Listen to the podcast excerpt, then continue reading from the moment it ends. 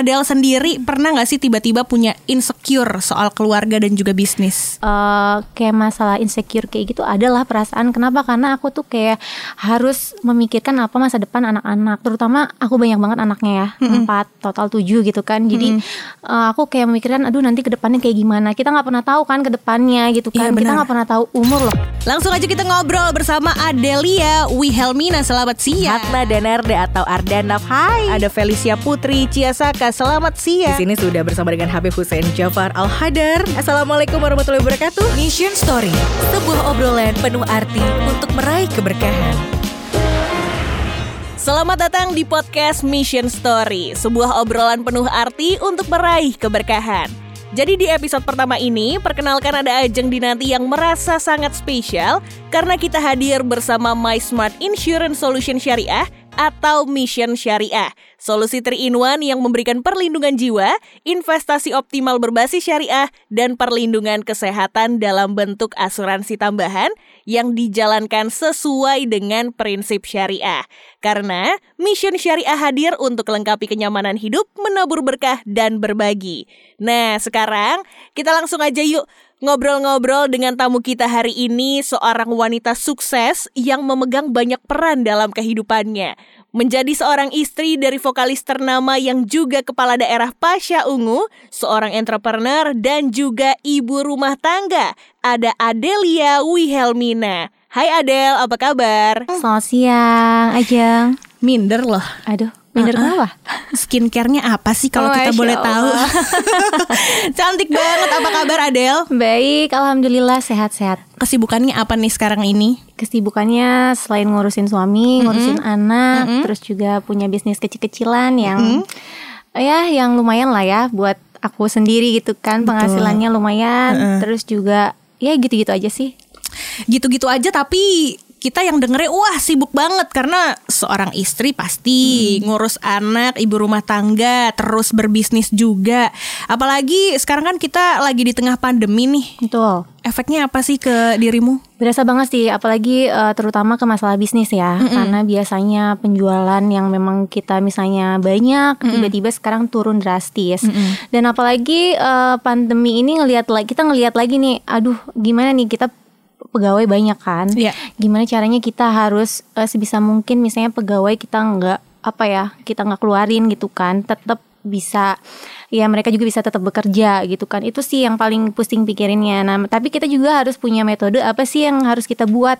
Ya akhirnya kita berpikir misalnya sekarang apa yang dibutuhkan sama orang-orang. Nah sekarang kan mama-mama eh, lagi butuh baju yang cantik tapi di dalam rumah gitu kan. Ya, makanya aku kayak harus bikin metode-metode yang memang biar eh, bisa menghasilkan juga gitu. Ih, beradaptasi sama Beradaptasi, situasi ya. betul. Tuh Bun, gitu. Manggilnya gitu nggak kalau jalan Bun, Ya, Moms? aku moms. Oh moms, alright. Jadi kalau misalnya itu kan dari secara bisnis ya. Kalau dari segi secara keluarga seperti apa nih efek di tengah pandemi ini? Kalau masalah anak ya, yang paling luar biasa karena aku kan biasanya anak-anak sekolah gitu kan, tapi sekarang bener-bener sekolahnya di rumah doang lewat zoom gitu kan. Iya. Yang biasanya kita udah tenang-tenang gitu di rumah ya, anak-anak sekarang kita bener-bener harus fokus, harus ngajarin mereka, terus juga biar mereka fokus itu kan gimana caranya itu yang bikin pusing karena kadang-kadang anak kan suka ngeyel gitu kan, apalagi di zoom gitu kan cuman ngelihat gurunya aja Bosen, bosan dia di rumah gitu kan. Ya mudah-mudahan lah pandemi cepet berakhir gitu kan, Amin. biar normal lagi, bisnis Amin. juga lancar, terus juga anak-anak sekolah lagi seperti biasa gitu. Dan kita juga bisa beraktivitas kembali. Betul, betul. Ya kita berdoa sama-sama lah ya semoga pandemi ini cepat berakhir. Amin, amin. Karena efeknya luar biasa, Luar berasa banget. Oh. Nah, tapi ini buat teman-teman yang belum tahu, jadi Adele ini merupakan istri dari seorang eh, kepala daerah di Palu ya. Palu, betul. Palu, terus vokalis band Ungu juga udah tahu dong siapa. Kakak Pasha apa kabar? Baik kali ya. Baik kali ya. Berarti LDR dong. Betul, aku LDR sih udah lama ya. Sebenarnya LDR udah biasa dari zaman dulu jadi vokalis juga LDR. Waktu dia di Palu juga LDR juga. Sebenarnya sih eh, aku karena aktif eh, waktu selama dia menjabat tuh aku nemenin dia tuh selama 2 tahun. Oke. Jadi aku di sana benar-benar uh, nemenin dia, tapi setelah kemarin ada bencana tsunami dan gempa, so, jadi kayak suami tuh kayak udahlah uh, sekarang kamu kayak fokus di eh, Jakarta aja buat Oh. jagain anak-anak gitu. Karena kayak ketakutan aja. Karena kan nggak nyangka kemarin juga aku tiba-tiba ninggalin anak-anak selama dua bulan. Nggak bisa ketemu gitu kan gara-gara kemarin ada bencana itu. Jadi mas pas itu kayak udahlah kamu fokus sama anak-anak gitu loh gitu. Jadi pada akhirnya eh, Adele nih di Jakarta aja. betul tapi kalau rumah. misalnya ada acara-acara yang penting aku pasti eh, ke Palu ikut. Uh-uh. Nah tapi ini kan kalau misalnya tadi dari ceritanya bisa eh, aku tarik kesimpulan, ini seakan-akan kayaknya, waduh level kenyamanan seorang Adele tuh udah ada banget gitu dalam artian eh, rumah tangganya berjalan dengan lancar, terus juga bisnisnya juga berjalan dengan lancar. Nah kalau menurut Adele sendiri pernah nggak sih tiba-tiba punya insecure soal keluarga dan juga bisnis? Jujur sih kalau aku eh, sekarang ngerasa kayak bersyukur banget karena apa yang aku dapatkan hari ini tuh udah kayak bisa tercapai lah semuanya gitu kan ya. Dimulai dari finansial atau apa pun itu dalam masalah bisnis. Iya. Tapi eh, kayak masalah insecure kayak gitu adalah perasaan kenapa? Karena aku tuh kayak harus memikirkan apa masa depan anak-anak. Terutama aku banyak banget anaknya ya, empat total tujuh gitu kan. Jadi eh, aku kayak memikirkan aduh nanti ke depannya kayak gimana. Kita nggak pernah tahu kan ke depannya gitu Iya, kan. Kita benar. nggak pernah tahu umur loh. Aku sering banget tuh ngedenger uh, kabar tiba-tiba Mas Pasya temennya meninggal gitu kan usia muda terus karena sakit gitu kan nah makanya aku tuh kayak berusaha banget untuk uh, apa ya aku melakukan sesuatu untuk anak-anak aku untuk keluarga gitu kan makanya aku ya memilih lah untuk uh, memilih proteksi yang memang benar-benar dibutuhkan untuk aku sendiri dan anak-anak gitu loh. Setuju, setuju banget. Apalagi di tengah pandemi seperti sekarang, aduh, yang namanya ketidakpastian Bener bikin banget. kita, aduh, ayo dong, gimana nih caranya biar at least eh, di tengah kehidupan yang ketidakpastian ini kita punya hati yang tenang, Betul. gitu kan? Makanya aku tuh juga sering banget tuh kayak eh, kalau lagi malam-malam lagi tidur bareng sama suami itu kayak cerita, aduh gimana ya kalau misalnya kita meninggal gitu kan? Bener. Itu itu yang selalu kita kita omongin karena anak-anak masih kecil gitu kan kasihan. Nah, makanya aku tuh kayak berpikiran apa ya? Mungkin kayak proteksi itu kan kayak berupa asuransi kayak gitu kan. Nah, kalau suami aku tuh nggak berpikir kayak sampai ke situ loh ikutan asuransi kayak gitu. Malah aku tuh kayak yang eh, aku harus ikut gitu loh. Karena kenapa? Ya kita juga pertama kita ikut asuransi karena satu kita kan ada santunan asuransi. Santunan asuransi itu jadi kayak kita punya lah tabungan yang bisa nanti diberikan buat anak-anak. Kalau ya amit-amit ya kita nggak mau lah meninggal muda gitu kan kita Nah, pengen ya Allah, meninggal amit-amit. nanti kalau misalnya Bener. anak-anak udah gede udah bisa jadi orang gitu kan udah punya istri punya cucu gitu kan pengennya kayak gitu jadi aku kayak pengen mempersiapkan aja aku punya salah satu asuransi yang memang buat anak-anak aku Oh, jadi Adele ini salah satu obat dari keinsecurannya adalah memutuskan untuk, untuk mempunyai proteksi punya proteksi dengan asuransi. Betul. Oh, menarik, menarik, menarik. Jadi eh, apalagi kalau misalnya sekarang kan tidak hanya yaitu dia.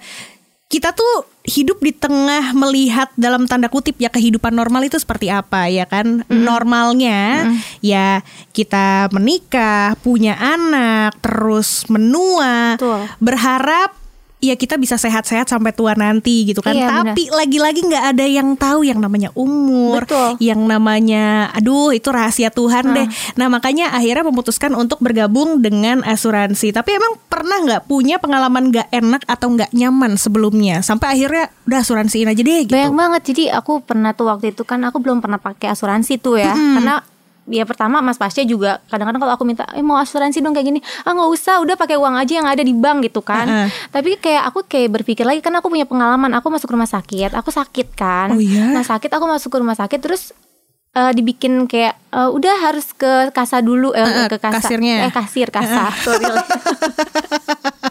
disuruh kasir gitu kan. Oh ternyata aku harus membayar 10 kali lipat dari biaya kamar. Kalau biaya kamar kita misalnya milih yang VVIP 2 juta kan? Eh, Berarti kali harus- dua, yes. 20 juta. yes aku kita harus bayar 20 juta gitu kan. Jadi itu kayak ya mending kalau kita misalnya ada rezeki alhamdulillah ya benar, gitu kan. benar. tapi kan kalau misalnya terus-terusan kita sakit kita nggak pernah tahu loh kita punya sakit keras atau enggak. Benar, benar, gitu benar. makanya aku kayak oh udah deh aku memilih untuk aku memilih asuransi Jadi berawal dari situ. berawal dari situ Bayar. Dan yang 10 kali. pernah juga nih kayak anak aku kemarin masuk rumah sakit tiba-tiba terus eh, suami pas mau bayar oh ternyata udah di cover asuransi gitu Enak banget kan? Bener Enak Makanya banget pas kan? ke kasa Oh ternyata gak usah bayar Iya Dad Aku kan soalnya udah asuransiin anak kita Kata aku gitu Wih luar biasa itu tuh Karena terkadang memang banyak orang yang di luar sana pu- eh, punya mindset nggak penting nggak penting, lah." iya. Heeh, karena merasa mungkin eh, kualitas hidupnya sudah enak, sudah nyaman, tabungannya banyak, tapi lagi-lagi kita nggak ada yang tahu dan nggak pernah ada yang tahu umur kapan. Bener. bener nggak sih? Kita berdoanya sih kita pengennya panjang umur ya. Amin amin amin. Gitu. Dan itu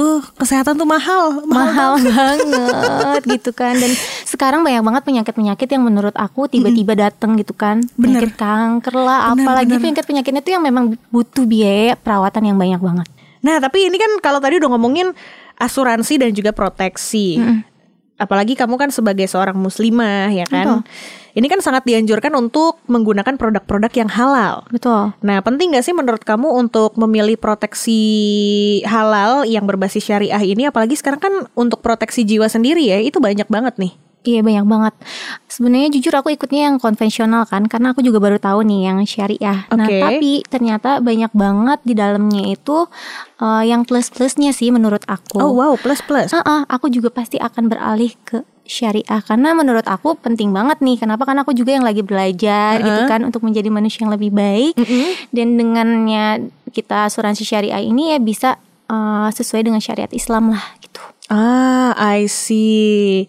Oke, ini memang eh, menarik banget ya karena dari ceritanya Adele jadi sangat terbuka nih berdasarkan pengalamannya kamu Betul. juga bagaimana proteksi ini sangat penting menjadi penting untuk kebutuhan dan keamanan keluarga kita juga, Betul. benar nggak?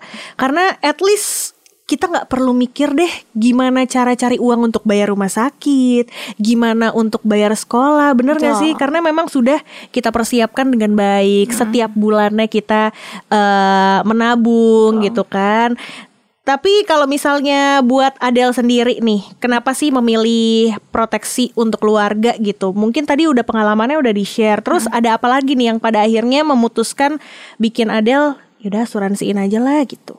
Ya aku berpikir aja pertama karena pendidikan anak-anak. Mm-mm. Karena anak-anak kan ya kita ya itu balik lagi kan. Kalau misalnya anak-anak tiba-tiba aku meninggal di usia muda, pendidikan kan bisa tercover juga ya kan. Oke. Terus kalau di, di kesehatan ya minimal anak-anak sakit semuanya tercover juga. Kita nggak perlu ngeluarin uang lagi. Mm-mm. Terus juga kalau misalnya ada santunan asuransi ya minimal kalau kita wafat ada tabungan buat anak-anak. Jadi menurut aku sih itu hal-hal yang uh, penting banget sih menurut aku kita menyisihkan uang kita. Ya minimal kalau misalnya kita ta- di tabungan banyak ya sedikit lah kita sisihkan buat asuransi ini. Karena memang dapat juga uh, apa semuanya lengkap gitu kan. Proteksi kesehatan asuransi jiwa terus juga ada santunan asuransinya gitu buat anak-anak. Jadi menurut aku ini udah komplit lah. Penting ya Del penting banget ternyata Penting. aku ber apa namanya belajar dari pengalaman kamu nih bagaimana yang namanya proteksi ini harus dilakukan sedini mungkin benar nggak jangan Betul banget. sampai udah kejadian terus kenapa nggak kemarin-kemarin Iya. ya Kalau udah kejadian kan kalau kita udah sakit keras udah nggak bisa ikut asuransi. Bener, bener, Jadi kenapa kalau nggak kita berinvestasi dari sekarang, mumpung kita masih muda, masih kuat, masih sehat gitu kan, masih produktif masih juga produktif juga coba gitu kan. Makanya haruslah punya asuransi. ih keren banget Del terima kasih banyak loh pelajarannya Ya ampun. Nah, buat teman-teman juga nih, semoga pesan dari Adele nyampe ya. Kita belajar banyak hari ini bersama Adele yang di mana semua hal ini menjadi prioritas biar kita nih nggak insecure, nggak khawatir sama perlindungan menyeluruh untuk keluarga. Dan benar, mission syariah ini merupakan solusi komplit yang dekat sama kebutuhan kita kaum muslim. Tapi lagi-lagi namanya emang syariah tapi bisa kok untuk siapa pun. Buat teman-teman yang masih penasaran dan mau tahu lebih lanjut tentang Mission Syariah, bisa langsung aja nih cek ke websitenya di www.manulife.co.id slash mission syariah atau bisa hubungin call centernya Manulife atau langsung aja kepoin Instagram semua media sosialnya Manulife Indonesia, Facebooknya Manulife Indonesia, Instagram at Manulife underscore ID, Twitternya di at Manulife underscore ID, Youtubenya juga jangan lupa di subscribe ya di Manulife Indonesia. Atau jika sudah memiliki agen andalan dari Manulife Indonesia, bisa langsung aja hubungi agen kita untuk tanya-tanya lebih lanjutnya. Jadi yuk, lengkapi kenyamanan hidup, menabur berkah dan berbagi bersama Mission Syariah. Adel, terima kasih banyak atas ngobrol-ngobrolnya di hari ini. Semoga Sama-sama aja. banyak sekali pelajaran eh, pelajaran yang kita dapetin ya. Sehat selalu ya Adel ya. Kasih. Salam untuk keluarga dan teman-teman terima kasih banyak juga yang sudah mendengarkan. Semoga bisa diambil pelajarannya dan sampai ketemu di episode berikutnya. Ajeng Dinanti pamit. Wassalamualaikum warahmatullahi wabarakatuh. Mission, mission, mission story. Sebuah obrolan penuh arti untuk meraih keberkahan.